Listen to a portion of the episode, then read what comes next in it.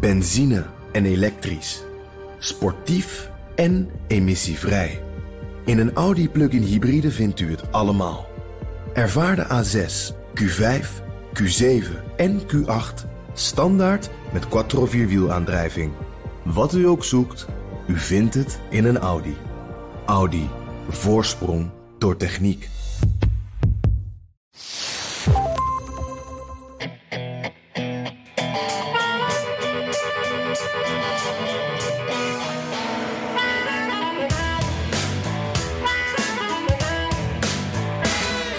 De onderzoekers die de onderzoekers onderzoeken. Dat is het droste-effect waar we nu in zitten. President Trump, een onafhankelijke waakhond, de minister van Justitie. Ze kijken allemaal opnieuw naar het Rusland-onderzoek. Welkom bij de Amerika-podcast. Mijn naam is Jan Posma. En ik ben Bernard Hammelburg. Deze vijftiende editie van onze podcast is voor ons een hele bijzondere. Want Jan en ik zijn samen in de BNR-studio in Amsterdam. Tussen de laatste restjes pepernoten en banketletters.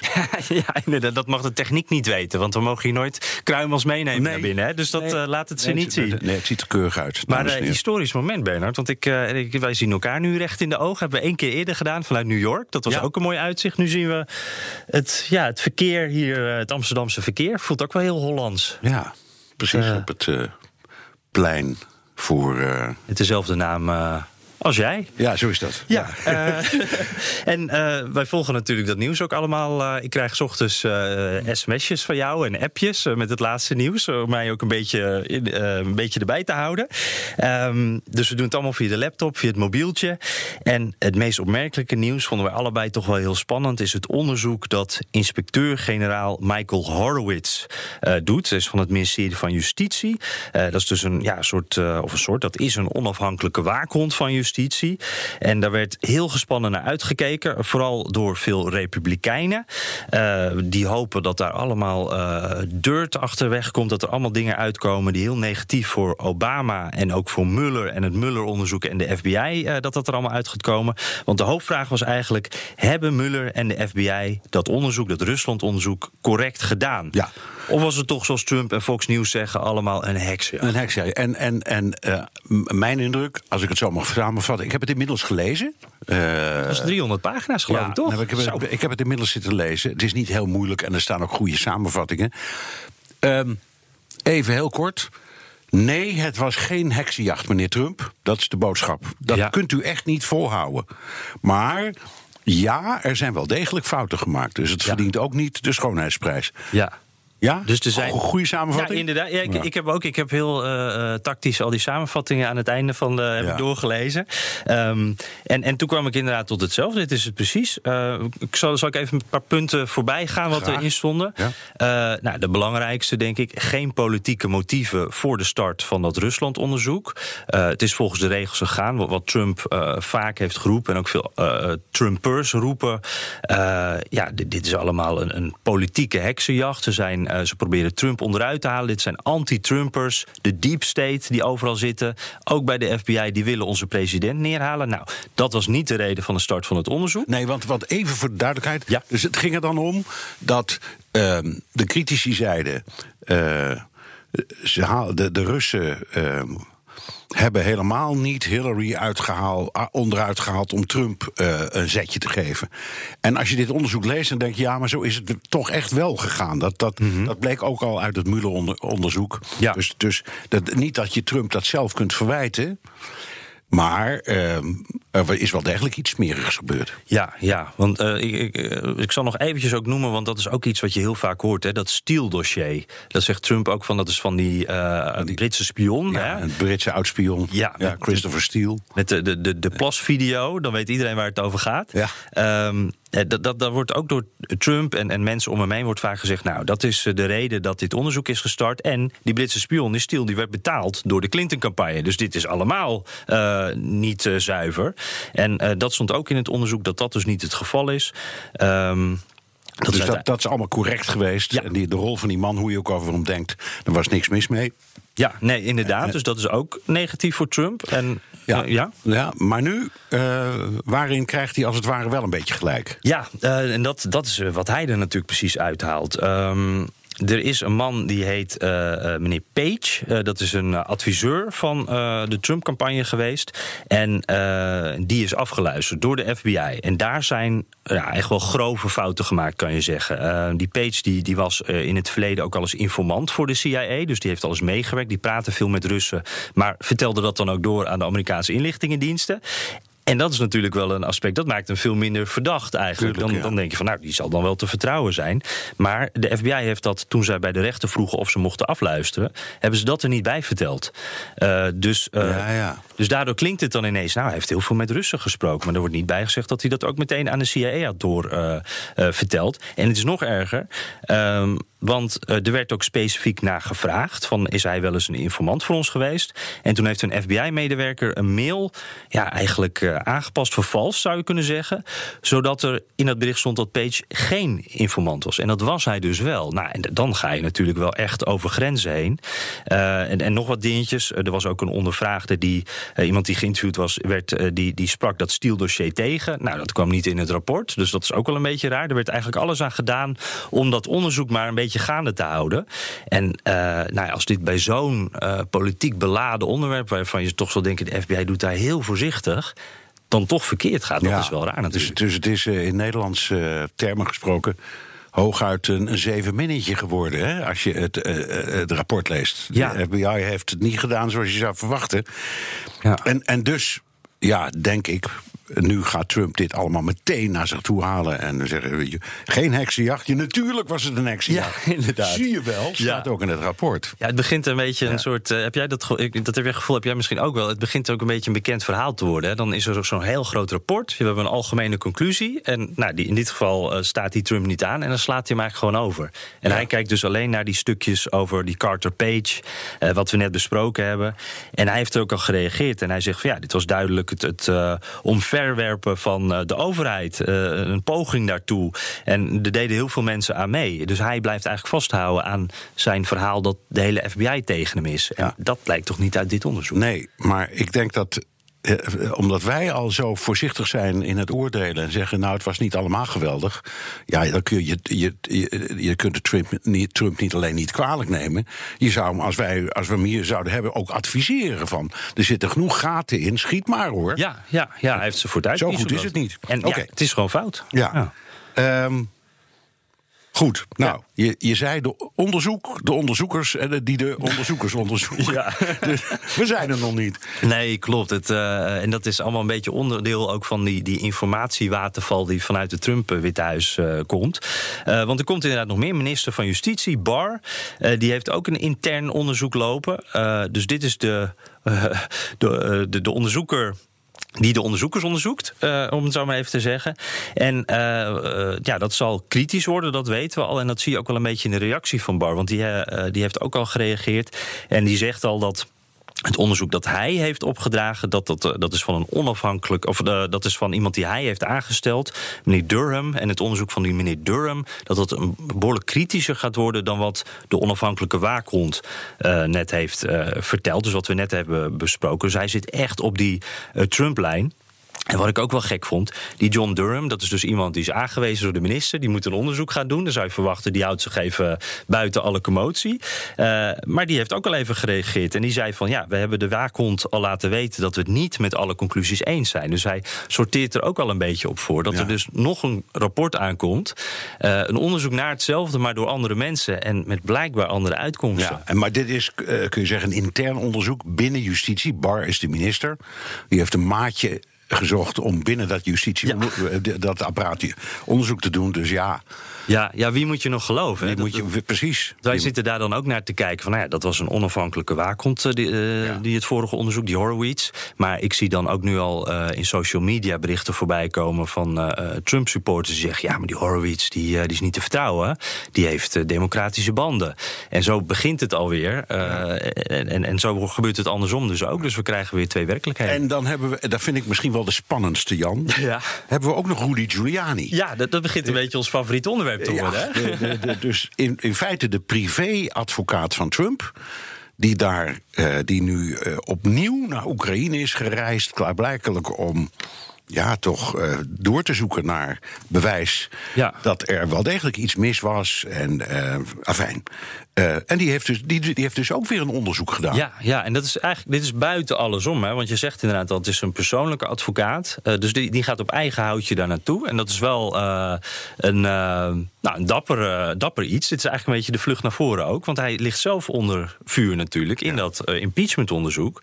En hij gaat nu een documentaire maken voor een Amerikaanse conservatieve ja, internetzender. One American News Network.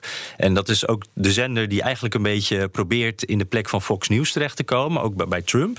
En uh, nou, dat komt dus uh, binnenkort uh, op tv, op internet. En hij hint er al een tijdje over Giuliani. Hij zegt van ja, ik kom met bewijs dat echt wel iets fout zit bij de Bidens. hij heeft met oud-aanklagers in Oekraïne gesproken. En hij doet dat, eigenlijk doet hij het impeachment-onderzoek, doet hij zelf nog een keer, maar dan alleen richting de Bidens. Ja. En hij weet dus al blijkbaar wat hij gaat vinden. Ja. En dat is natuurlijk ook in lijn okay, met nou, wat we komen Trump direct wil. even op terug. Maar het eerste ja. wat je dan denkt is, als je dat allemaal vindt en wilt zeggen, waarom laat je dan niet gewoon, luister je niet gewoon naar de oproep van de impeachmentcommissies en komt dat verhaal keurig netjes aan het Amerikaanse volk vertellen? Maar ook direct, direct ja. nog even, even één ding. Ik las dat um, Barr, de minister van Justitie, nu Trump heeft gewaarschuwd voor Giuliani. Van let op. Um, deze man kan jou zo in gevaar brengen, je moet afstand van hem nemen. Met andere woorden, dump hem. Ja, en da daar hadden wij het uh, vorige keer al over. Hè? Dus Ja. dat, dat uh, zou nu wel eens kunnen gaan gebeuren. En ik ben heel benieuwd waar Trump nu. eh, Voor Trump is loyaliteit heel belangrijk. Nou, beide, Barr en Giuliani, laten heel veel loyaliteit zien richting hem. Um, maar Bar, of Trump die kiest altijd voor zichzelf uiteindelijk. En, en dat, dat hebben we vorige keer ook besproken. Dus ik ben wel heel benieuwd uh, wat Trump nu gaat doen. Als het risico te groot wordt. En Giuliani komt zo vaak terug in dat impeachmentonderzoek. Um, ja, aan de andere kant, misschien ziet Trump het ook wel weer als een soort, uh, uh, soort nederlaag als hij Giuliani zou opgeven. Want dan erken je misschien ook wel dat er dus iets verkeerd is. Dat okay, wil hij natuurlijk okay, ook. Oké, okay, maar dat brengt ons dan toch op die impeachment. De, de, ja. de, de, de kwestie is dat um, de. Uh, het Witte Huis zegt, dus Trump zegt. Ik weiger mee te, wer te werken uh, aan het impeachmentonderzoek. Dat betekent dat geen van de mensen die voor mij werken. toestemming hebben om voor de impeachmentcommissies te verschijnen. Um, maar Rudy is niks, die is niet in dienst. Sterker Ja. nog, ik las, wat ik helemaal niet wist... dat hij niet eens betaald krijgt voor zijn Oh, ik werkzaamheden niet. voor Trump. Uh, dus dat hij, het, dat hij hoopt, dat hij, dat lukt ook, zoveel Ja. business daaruit genereert... dat het ook niet nodig is. Ja. Maar zoals Trump zich niet laat betalen voor het presidentschap... ik geloof 1 dollar per jaar... Ja. laat uh, Rudy zich niet betalen voor zijn adviezen... wat heel verstandig is. Uh, maar hoe kan hij nu weigeren om te verschijnen voor de impeachmentcommissies? Ja, ik denk, uh, nou, hij, uh, hij, heeft eigenlijk iets uh, aan zijn kant staan en dat is de tijd. Uh, Giuliani denkt van, nou, kom maar op. Uh, gaan we naar de rechter en uh, vecht het maar uit. En, en als ik moet, als ik echt moet, nou ja, dan kom ik wel of niet, dat weet ik niet. Maar die democraten willen dat natuurlijk niet. Die zitten op een supersnel, die hebben de sneltrein genomen. Die willen snel op de bestemming aankomen. En dan past een gang naar de rechter niet, dat denk ik. Ja, ja want het, het moet allemaal snel, want... Nou ja, we, we zitten met eigenlijk uh, de, de, publieke opinie is heel belangrijk. Uh, die democraten die denken natuurlijk, uh, ja, hoe langer we dit voort laten slepen, hoe groter de kans dat mensen er klaar mee zijn. En dat, dat kunnen we niet gebruiken. En we zitten straks natuurlijk in een verkiezingsjaar. Dus we willen dit ook snel afronden. Ja. voor hun eigen campagnes. Want er zijn straks wat senatoren, Cory Booker, nou, je kan er zo nog een paar noemen, die, die in de Senaat zitten en dan vol met impeachment bezig zijn. Terwijl dan ook de eerste primaries straks beginnen. Maar ook omdat Trump natuurlijk kan zeggen van ja, wacht even. Uh, ze zei mij, we moeten gewoon die verkiezingen gaan doen, niet die impeachment. En dan gaat hij het gebruiken in zijn campagne. Ja, ja, ja. hij heeft ook het advies gekregen om zich uh, echt veel meer te concentreren op de verkiezingen en op het gewone besturen. Ja, het uh, niet af laten leiden. En, en daar komen we misschien direct ook nog wel even over. Maar het is, het, is, het is waarschijnlijk, als ik het goed begrijp, vindt Trump het eigenlijk ook wel mooi zoals het loopt. Ja, ik heb, dat heb ik ook, uh, dat lees je overal een beetje. Ja, de, de, die hele vertoning in de Senaat, dat wordt toch voornamelijk een pro-Trump verhaal. Want er zitten meer democraten, meer republikeinen democraten. Dus laat maar komen. En het, het is misschien de goedkoopste manier van campagne voeren die je kunt bedenken. Het zijn hele lange spotjes. Die hele lange spotjes, die duren soms wel 11 uur. Ja, of niks voor te betalen. Of je niets voor te betalen, ja. Misschien nog even een stapje terug. Want we zitten, uh, we zitten nu eigenlijk op het punt dat we bij de uh, justitiecommissie zijn. Hè? Die, die zijn nog, als wij dit opnemen, met hoorzittingen bezig. Ja. Um, ik heb er een beetje naar gekeken ook. Jij hebt er ook naar gekeken. Wat, uh, wat vond je ervan? Nou, ik zeg, kijk, het moet via de impeachment. De impeachment moet uiteindelijk via de commissie Justitie. Hè? Dat staat in de regels. Dus het is logisch dat het daar ligt. Maar ik heb mij eerlijk gezegd kapot geërgerd aan de hoorzittingen, uh, vooral vorige week. Omdat, als gevolg van het feit dat Trump. Uh, alle hoofdrolspelers blokkeert om te verschijnen. De commissie Justitie. Ehm, uit armoede, denk ik dan maar, een aantal rechtsgeleerden heeft opgetrommeld. Dus er zat een heel rijtje eh, professoren van Harvard en noem maar op. Ja. En die kregen allemaal de volgende vraag. Um, heeft de president een misdrijf gepleegd? Ja, riepen al die uh, uh, getuigen. Ja. Nou, dat was zo door, doorgestoken kaart. Er zat dan voor de vorm keurig één pro-republikeinse ja. bij. Maar het was gewoon pure propaganda. Dus drie democraten, één republikein. Eén republikein. En uh, de, de republikeinen in de commissie, die dus ook vragen mogen stellen, hebben dat niet of nauwelijks gedaan.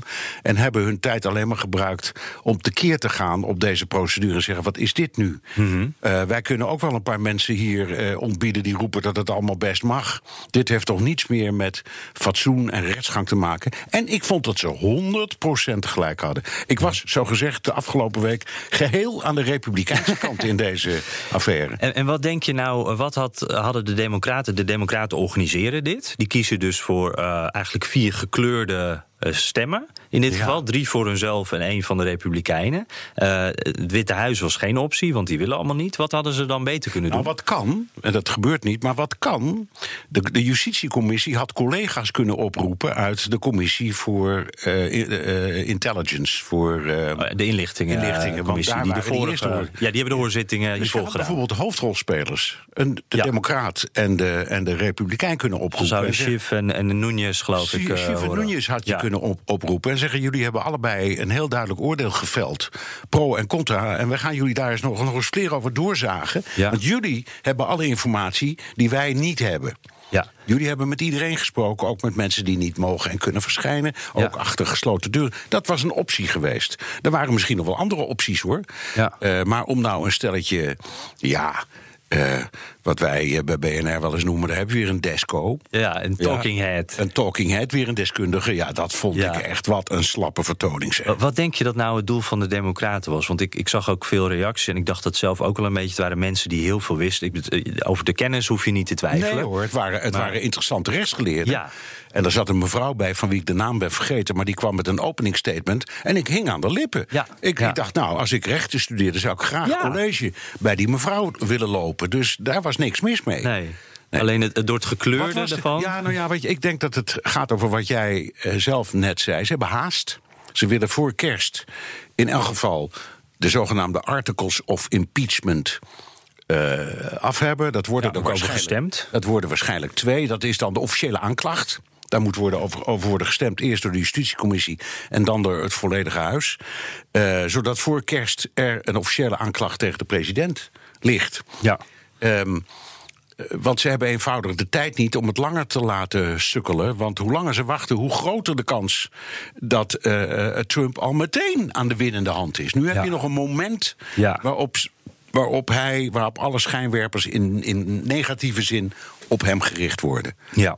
Heel kort. Maar goed. En, en nog Ja. één dingetje, want die ene republikeinse, of noem maar even pro-Trump eh, getuige die erbij zat, die hoogleraar, die, die zei ook van. ehm, eh, die, die zei ook van, we moeten dit niet overhaasten. Jullie doen het veel te snel. En ik dacht van, ja, hij heeft, hij heeft eigenlijk gelijk. Precies. Ik snap wel dat er redenen zijn, maar eh, een, een impeachment, het zwaarste wat je kan doen... en we weten nog niet alles. Het, het voelt niet goed. Nee, ik ben het er ook mee eens. En ik zou zeggen, als je zo een zware aantijging hebt... joh, voor het minste of geringste eh, gewoon criminele onderzoek... of dat nou hier is of de Verenigde Staten... daar doet de recherche soms een paar jaar over. Ja. En dan heb je een rechtszaak die ook eindeloos duurt. Ja. Uh, en, en, ehm, en dit is, laten we zeggen, in elk geval in maatschappelijke zin, in de zin van mis, misdrijf, de hoogste die je kunt bedenken, namelijk door het staatshoofd. Mhm. Dus bereid dat goed voor, neem er de tijd voor en zeg misschien zelfs als partijleiding: jongens, uh, als het over de verkiezingen heen wordt getrokken, dan gebeurt dat maar. Ja. Dat is tenslotte met Nixon ook gebeurd en met Clinton ook gebeurd. Die hebben allebei spectaculaire uh, overwinningen, ja. verkiezingsoverwinningen behaald. Ja. Maar dat moet dan maar. Ja. Want het gaat uiteindelijk om het recht. Ja. En om de rechtvaardigheid. En ik, naar mijn gevoel is er een hoop mis nu. Ja, ik, ik hoorde ook inderdaad iemand zeggen... waarom zetten ze het niet even op pauze? Iedereen zou dat snappen. Uh, ja, ik denk dan de, een reden zal wel zijn dat uh, het nieuws komt binnen terwijl we Ja, praten. ja, ja, ik, dat zal ook wel zijn omdat als je tijdens de verkiezingen uh, deze impeachment door laat gaan, dat, het, ja, dat is een president onder vuur, een president die daar gebruik van gaat maken. Ja, dan is je misschien helemaal niet meer, is daar helemaal niet meer van te winnen. Nee. Maar je moet, ook, je moet ook aan de andere kant denken. Hè. Nu, nu, nu, wat is nou de democratische strategie? Je kunt zeggen, we halen snel door, want dan krijg je in afval een aanklacht en een zaak. Mhm. Maar je weet dat je hem uiteindelijk verliest. Ja, Dus wat levert het op? ja. Ze hadden hem ook niet kunnen doen, hè, wat Nancy Pelosi eigenlijk wilde. Ja. De partijleider. Die wilde er eigenlijk niet aan beginnen, omdat ze dit zag aankomen. Als ze dat niet hadden gedaan, dan hadden ze ook op verlies gestaan. Want dan roept iedereen: joh, nou hadden jullie een kans in, laat hem lopen. Dus Ja. ze, konden ook geen goed doen. Nee, dat is waar. Dat is waar. Hey, en nog eventjes, want als op het moment dat we dit opnemen, dat is eh, welke dag eh, zijn we eigenlijk? Eh, De Het tiende? is dinsdag de tiende, Jan. Ik ben een beetje in de. Je hoort ook mijn, mijn vliegtuigkuchje. Ja, de traditioneel. dus ik ben af en toe een beetje. Maar terwijl we dit bespreken, kan, kunnen elk moment die articles of impeachment komen. Zo wordt gezegd. Ja. En eh, jij had al een beetje bekeken wat. eh, wat het Twee zijn, worden dus. dat er, ja, eentje wegens machtsmisbruik en één wegens de weigering om mee te werken aan het onderzoek. Ja. Dat zijn allebei. Het is heel overzichtelijk. Heel want overzichtelijk. Niks En waren het- er veel meer, toch? Ja, zeker. Je kunt, ik weet niet meer hoeveel, ook niet dat meer. zijn er wel eens twaalf geweest. Ja, dat klinkt kan. wel goed, ja, maar- Maar het betekent gewoon, dat heb je trouwens met een gewone rechtszaak ook hoor, dat ehm, je, eh, weet ik veel, je hebt iemand een klap gegeven Mhm. en daarvoor word je dan aangeklaagd, maar je wordt ook tegelijkertijd aangeklaagd voor niet meewerken met de politie en Ja, ook ja. aangeklaagd Ja. wegens het aanrichten van schade in de kroeg en dan krijg je zo'n hele lijst. Nou, zo werkt dit ook. Je kunt dus die articles of impeachment uitbreiden zo ver als je wil. Maar voor ons, en ik denk voor, ook voor onze eh, trouwe podcast-luisteraar, komt het gewoon op neer. Er is nu een aanklacht. Ja. Daar ging het om. Dus we hebben het nu. stapje weer gezet. Ja. Gaan we voor de kerst nog even stemmen. En dan, eh, nou ja, daar gaan we het later nog wel wat meer over hebben, toch? Zeker. Ehm, even kijken hoor. Ja, hebben we dan eigenlijk de impeachment al een beetje besproken? Ik denk het wel, hè?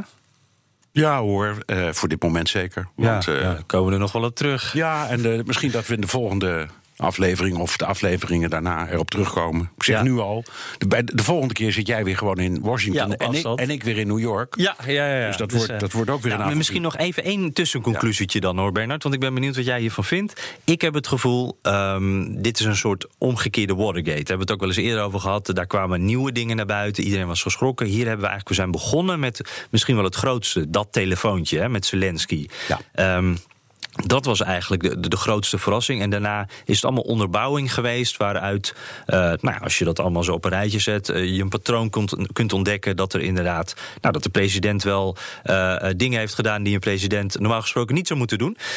Maar ik heb ondertussen ook het gevoel. ehm, er verandert niks eh, in de peilingen. Mensen blijven ongeveer. eh, de mensen die tegen Trump waren, zijn dat nog steeds. Eh, er worden geen nieuwe mensen eh, overgehaald om voor of tegen Trump te zijn. Nee. Dus ik heb het gevoel eigenlijk kortom dat het momentum bij de Democraten er nooit echt nog gekomen is. En dat de Nee, impeachment dat is ook zo. Ja, kijk, je, je kunt die dingen nooit helemaal vergelijken. Maar in, in zoverre was dat destijds ook wel het geval. In de peilingen waren niet veel verschuivingen. Nog bij Nixon, nog bij Clinton.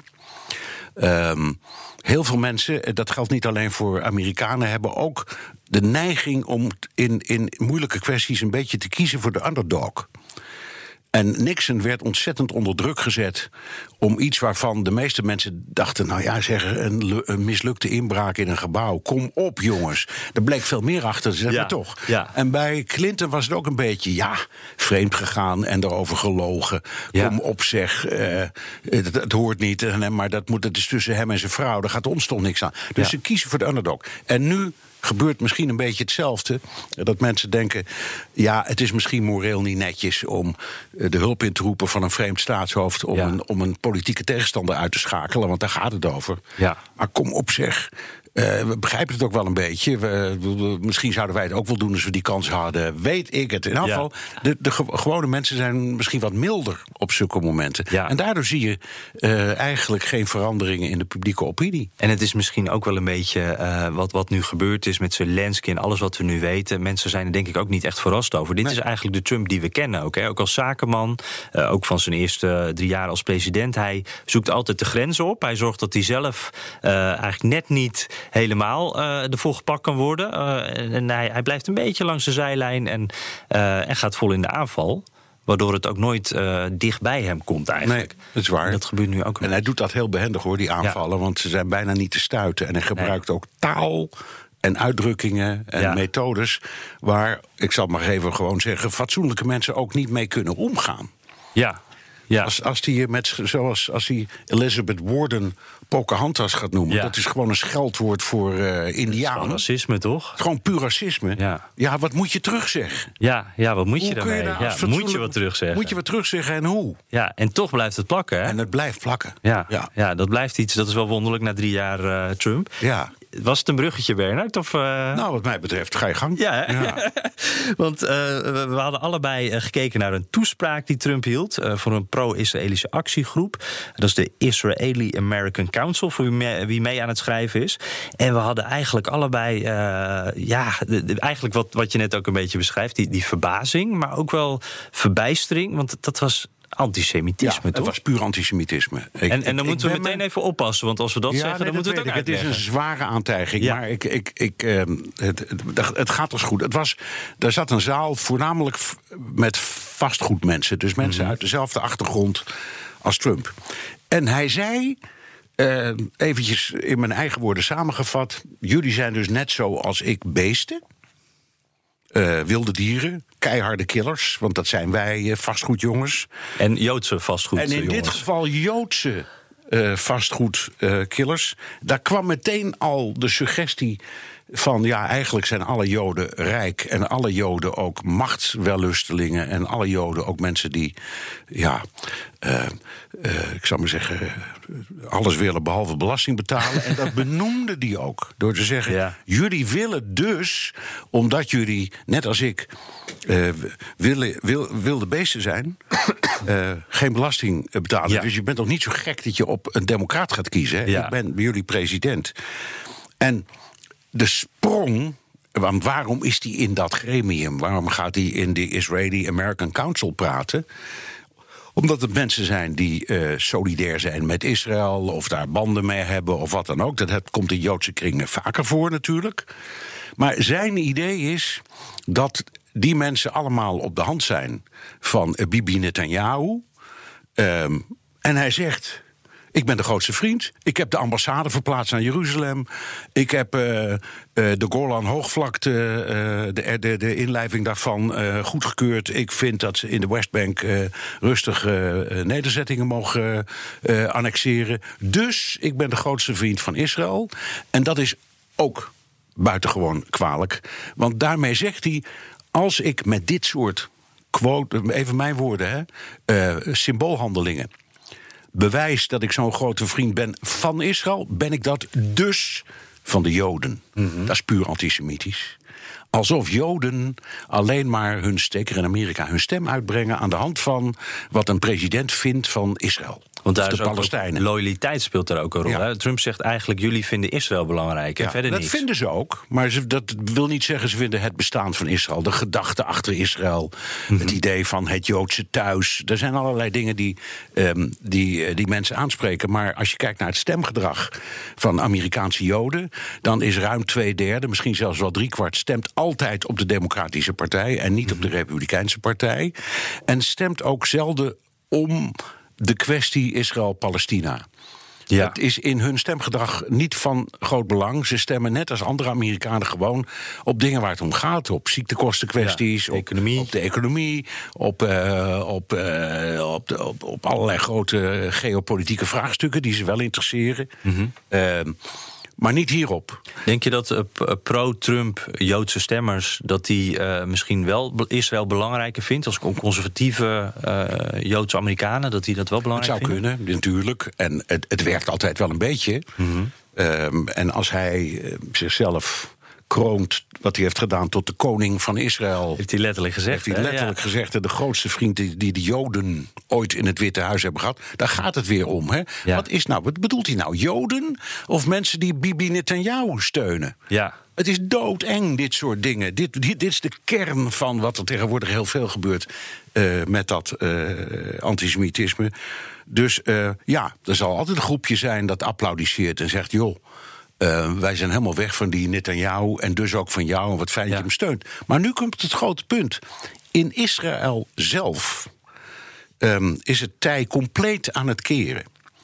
Uh, omdat ja, hij heeft die ambassade verplaatst en nog wat van dat symbool. En gezegd dat ze de, de Golan uh, hoogvlakte niet meer hoeven teruggeven en van dat soort dingen. Maar dat is symboliek. Maar waar de Israëli's echt op zaten te wachten, was dat uh, Amerika zou optreden tegen Iran hmm. na die aanvallen in Saudi-Arabië uh, op een olieraffinaderij en ja. schepen in. Tanker. ja, die tanker. Dat is niet gebeurd. Integendeel, mm -hmm. alles uit Washington was van. Wow, we hebben er even niks mee te maken. Andere landen moeten schepen sturen. Wij gaan hier Ja. echt niks doen. Daar zijn de Israëliërs, inclusief Bibi Netanyahu, zich lam van geschrokken. Ja. Dus, het is, dus Israël zelf is op het ogenblik, op het maar gewone taal te zeggen, behoorlijk afgeknapt op deze president. Wa- Want daar denken ze nu, we hebben een paar mooie symbolen gekregen. We hebben eh, de, de, die ambassade, de, applaus. Maar het, eigenlijk wat, wat we echt belangrijk vinden, wat we Is, echt ons, nodig is onze hebben. veiligheid. Ja, en daar horen we even niks. En op het moment dat we denken, nu moet je even laten horen waar je staat en Ja. even dreigen. Ja, Je hoeft geen oorlog te beginnen. Nee, alleen maar je moet even laten zien waar je staat. ja, En als je, als je je eigen bondgenoot Saudi-Arabië wordt aangevallen ja. en je doet niks, nou, dan, is er, dan ziet het er voor ons helemaal verschrikkelijk uit. Ja, ja. Dus ze zijn echt geschrokken.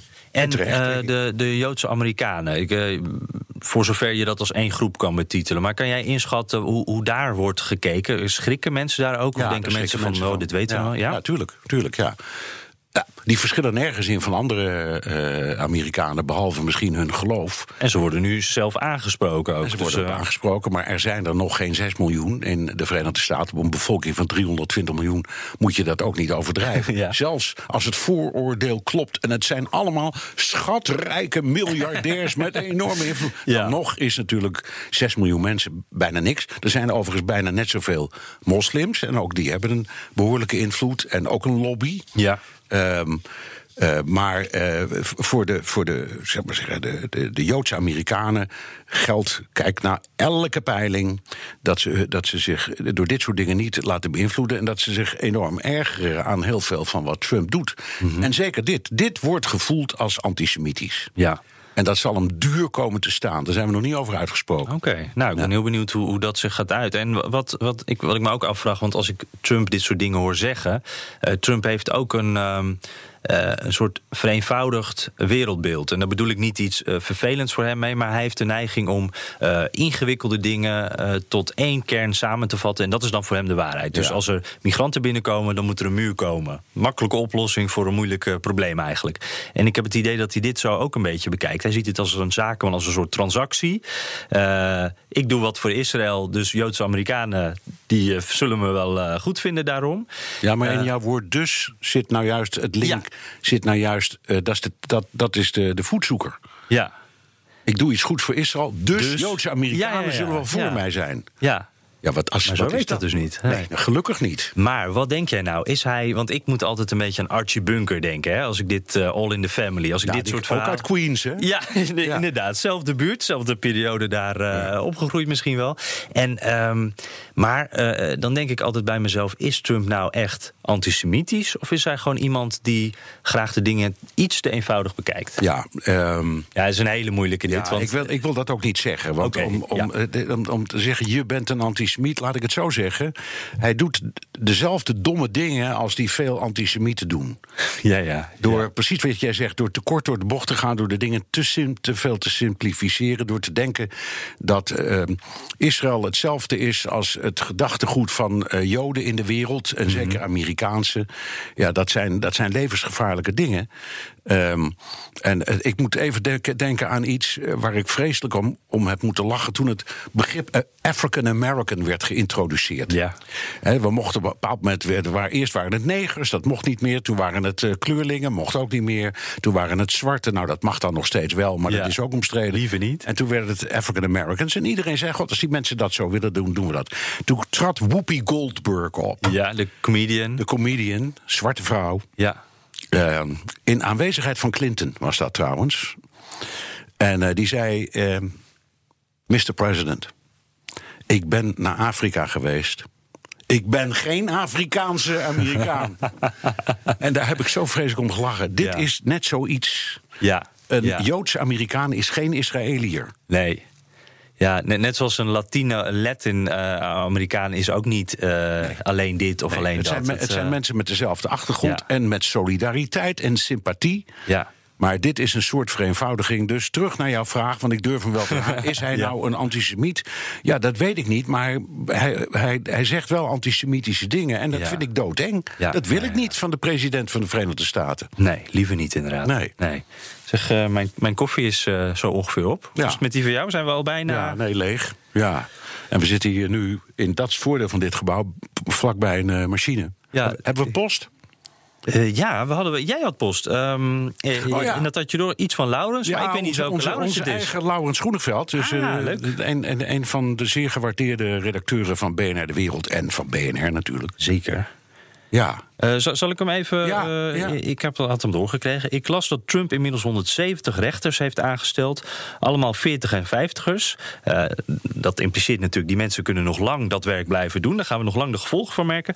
Behalve, behalve bijvoorbeeld het abortusdebat. Hoe gaan die aanstellingen het Amerikaanse rechtssysteem en de samenleving beïnvloeden? Ja, ik heb geen getallen bij de hand. Een hele goede vraag trouwens. Ja. En ook een, een hele leuke, omdat dit van alle tijden is. Dit heeft niet echt met Trump te maken. Als er een republikein in het Witte Huis zit, dan probeert hij. Uh, republikeinse rechters voor te dragen en probeert dat door de Senaat te krijgen, want dat moet allemaal worden goedgekeurd. En andersom. Mhm. Mm-hmm. Dus Obama heeft geprobeerd om allemaal democraten te benoemen en Trump probeert om allemaal republikeinen Ja. te benoemen. En de, de, de oppositie doet alles, zet alles bij alles om dat te blokkeren. Ja, ja. Dus, dus het is vaak een gevecht dat soms wel jaren kan duren. Er zijn enorme vacatures en zo.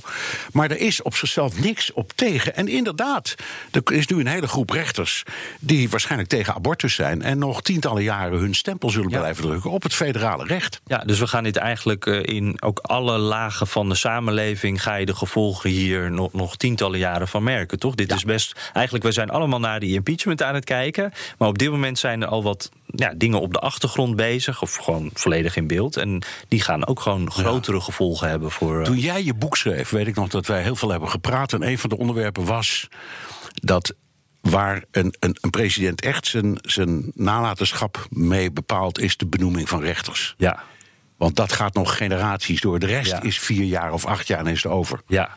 En dit is weer typisch zo'n voorbeeld. Ja. wat ik nog trouwens, eh, dat vind ik wel, eh, dat is wel interessant, eh, ook, wat nu gaan, is die Mitch McConnell eh, van de Republikeinen. Die, die is ook campagne aan het voeren. Die heeft dan een Supreme Court Champion, staat op t-shirts die je kan bestellen om hem te steunen. Eh, die, die is er dus echt campagne op aan het voeren dat hij zoveel voor elkaar heeft gekregen met die rechters, ook met de opperrechters. Eh, dat is echt een, een punt waarmee die laat zien, kijk, zo belangrijk zijn wij geweest. En zij maken ook echt een, eh, hun beleid ervan om zoveel mogelijk er doorheen te krijgen.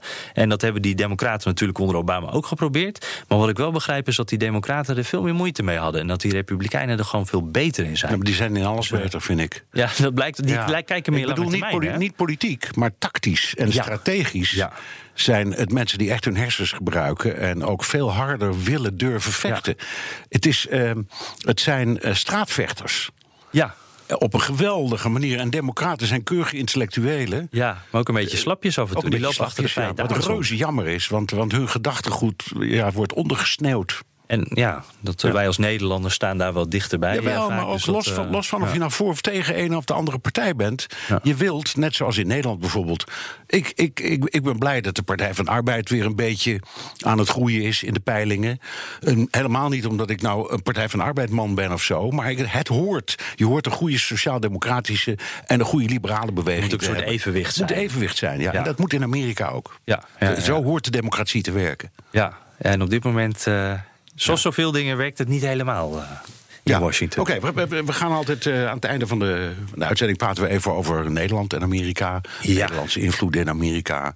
Nederlandse, noem eens op. Uh, ja, alles. Een beetje Hollandse trots soms. Hollandse trots vaak, ja. Ja, nou, nu is het een stukje... Uh, ja, het is ook wel Hollandse trots, want we zien dat vaak wel als Hollandse trots. Maar even een soort reality check erbij. Ik las het in de krant. echt een goed en een leuk artikel van Ben Coates. Dat is een, een, Brit die in Nederland woont. En die heeft ook boeken over Nederland en de Nederlandse cultuur geschreven schrijft heel leuk. En hij schreef over de Nederlandse directheid. En uh, dat is wel een Hollandse trots. Hè? Dat we zeggen van ja, maar die, die Amerikanen of die Britten, die zijn allemaal zo. Uh, die, die, die, die gaan uh, er zo omheen de hele tijd. Die proberen het heel erg te verpakken. En die kunnen nooit eens direct zeggen waar het op staat. Wij Nederlanders wel. Maar die coach die zegt nou, vaak is het ook gewoon bot. en, en hij zegt wij gebruiken als Nederlanders die directheid nog wel eens als excuus om onvriendelijk te zijn. En hij ziet ook wel eens wat, nou ja, racisme noemt hij het geloof ik niet maar hij is zelf een expat. Dus hij ziet ook wel dat wij richting buitenlanders niet altijd vriendelijk zijn. En dan die Hollandse directheid. Eigenlijk is dat gewoon botheid, zegt hij. Dus doe dat een beetje met mate. En hij gaf als voorbeeld: hij was eens een keer naar de kapper geweest. Komt hij op zijn werk.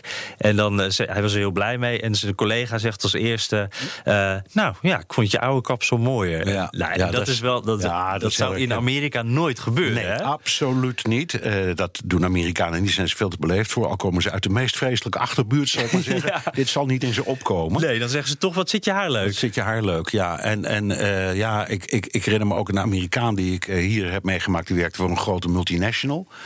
En die zei dat je Nederland had moeten winnen. Wennen. Want ook die botheid, hij zegt, je, je doet zaken, je zit op kantoor, je, je doet een deal. En dat gaat met een botheid, nou, dat, daar schrikken we ons, dat, daar kan ik helemaal niet tegen. En dan zegt dezelfde man, die echt gemeen tegen je was aan het einde van zo'n middag zeg: Heb je vanavond iets te doen? En dan roep je nou nee, want ik ben hier maar drie dagen of zo. Zit hij nou, weet je wat? Uh, kom dan bij me langs, want eh, ik ben jarig en we hebben een verjaarspartijtje. Ja. Dan zit je plotseling bij alle aardigste mensen met een biertje in je hand. Ja. Alsof je ze al je hele leven kent. Dat is ook Nederland. Ja, dat is in Amerika weer andersom. Daar gebeurt dat niet zo snel. Nee, voordat, nee. Je, voordat je binnenkomt. En zo zijn er dingen. Uh, het, het, dit, dit gaat om het ja, het omgaan met elkaar, het begrijpen van elkaar. Er is één voorbeeld waar ik uh, mezelf een aantal keren in heb verdiept, namelijk. Uh, Amerikanen ergeren zich ook helemaal kapot aan uh, ons kopje koffie. Je hebt een afspraak om uh, zaken te doen. en dan kom je binnen, zeggen ze eerst hoe was je vlucht. En, ja. En hoe ver is je hotel oké? Okay? En um, enfin, je gaat een beetje babbelen. En waar zitten je kinderen eigenlijk op school? En wil je koffie of thee of wat anders? En, dat duurt, gezellig. Gezellig. Wij, wij, willen iemand op zijn gemak stellen. Ja. In Amerika, als je binnenkomt, uh, dan is het eerste wat ze roepen: uh, Fijn dat je er bent, waar hebben we het over? Ja. Uh, en dan denken wij, Jezus, wat een botte gekke, die time is money. Ik moet ja, er meteen uit. Er doorheen maar een Amerikaan zegt, uh, dit is beleefdheid. Want meneer Postma is helemaal uit Washington komen vliegen naar Amsterdam om met meneer Hammelburg een verhaal te gaan doen. Dan moet hij meteen kunnen losbarsten. Ja. Geen gezuur. Ja, hij is misschien wel een beetje gespannen. Laat hem meteen maar zijn verhaal ja, vertellen. En koffie of een drankje, dat komt achteraf. Ja, ja. ja. Nou, dat zijn dingen waar je inderdaad heel veel van leert. En, en vooral, ja. Uh, wij praten toch tegen een BNR-publiek, hoop ik. uh, en dat zijn vaak mensen die zakelijk geïnteresseerd zijn. Uh, en dit soort dingen zijn belangrijk om te begrijpen hoe je omgaat met andere culturen. Het is gewoon een cultureel verschil. We zijn allemaal dezelfde mensen, we willen ook allemaal ongeveer hetzelfde. Ja. Maar je moet een beetje rekening houden met elkaars gevoeligheden. En dat is trouwens, eh, als je zelf nou ook eens zoiets hebt meegemaakt of uh, je hebt een vraag daarover, laat het ons weten. Vinden we altijd leuk. Dan, uh, dan kunnen we het er nog even over hebben. Ik had vanochtend trouwens nog één dingetje.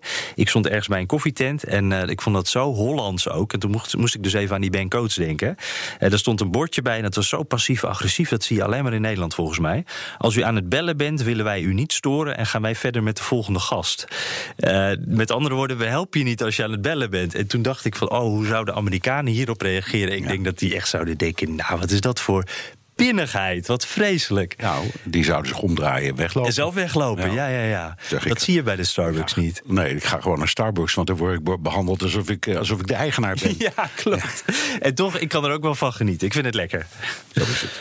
Ja, uh, even kijken. Dat was hem alweer, hè? Uh, deze aflevering van de Amerika-podcast. Ja, via de BNR-app of de site kun je heel makkelijk abonneren op de podcast. Kan ook via iTunes of Spotify. We zijn dolblij met recensies. Heb je nog recensies gehad, Jan? Of helemaal niks? Nou, Bernard, het was een beetje stil uh, op, uh, op de social media en uh, bij, bij onze recensies. Maar ik kreeg wel nog mondeling, ouderwets, kreeg ik een boodschap van een, een goede vriend van mij. Die zei, die vertelde me gisteren dat hij tijdens het wc schoonmaken aan het luisteren was. Dus dat vond ik ook wel weer een mooi beeld. Oordopjes in.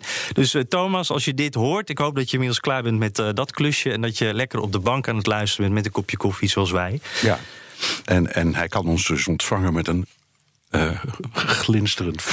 ja, alles is Spinkerspan. Spinkerspan uh, play. Oké, okay, terugluisteren kan via de BNR-site, iTunes en Spotify. Heb je vragen, opmerkingen, kritiek of complimenten? Dat kan ook met een tweet naar underscore Jan Postma underscore of BNR De Wereld. Of heel ouderwets met een mailtje naar dewereld.bnr.nl. Ja, want we bekijken het allemaal. En laat ons ook even weten hoe je naar ons luistert. Of je dus bijvoorbeeld de wc schoonmaakt. Of lekker relaxed op de bank zit met een kopje koffie waar je luistert. Uh, vragen ook, vinden we ook heel erg leuk. Hè? Dus laat het allemaal komen. Dan uh, nemen we dat graag mee uh, in de volgende aflevering. Bedankt voor het luisteren. Ja, en volgende keer zitten we gewoon op onze eigen plaats in New York en Washington. Lekker op afstand. Zo is dat. Benzine en elektrisch. Sportief en emissievrij. In een Audi plug-in hybride vindt u het allemaal. Ervaar de A6, Q5, Q7 en Q8 standaard met quattro vierwielaandrijving. Wat u ook zoekt, u vindt het in een Audi. Audi. Voorsprong door techniek.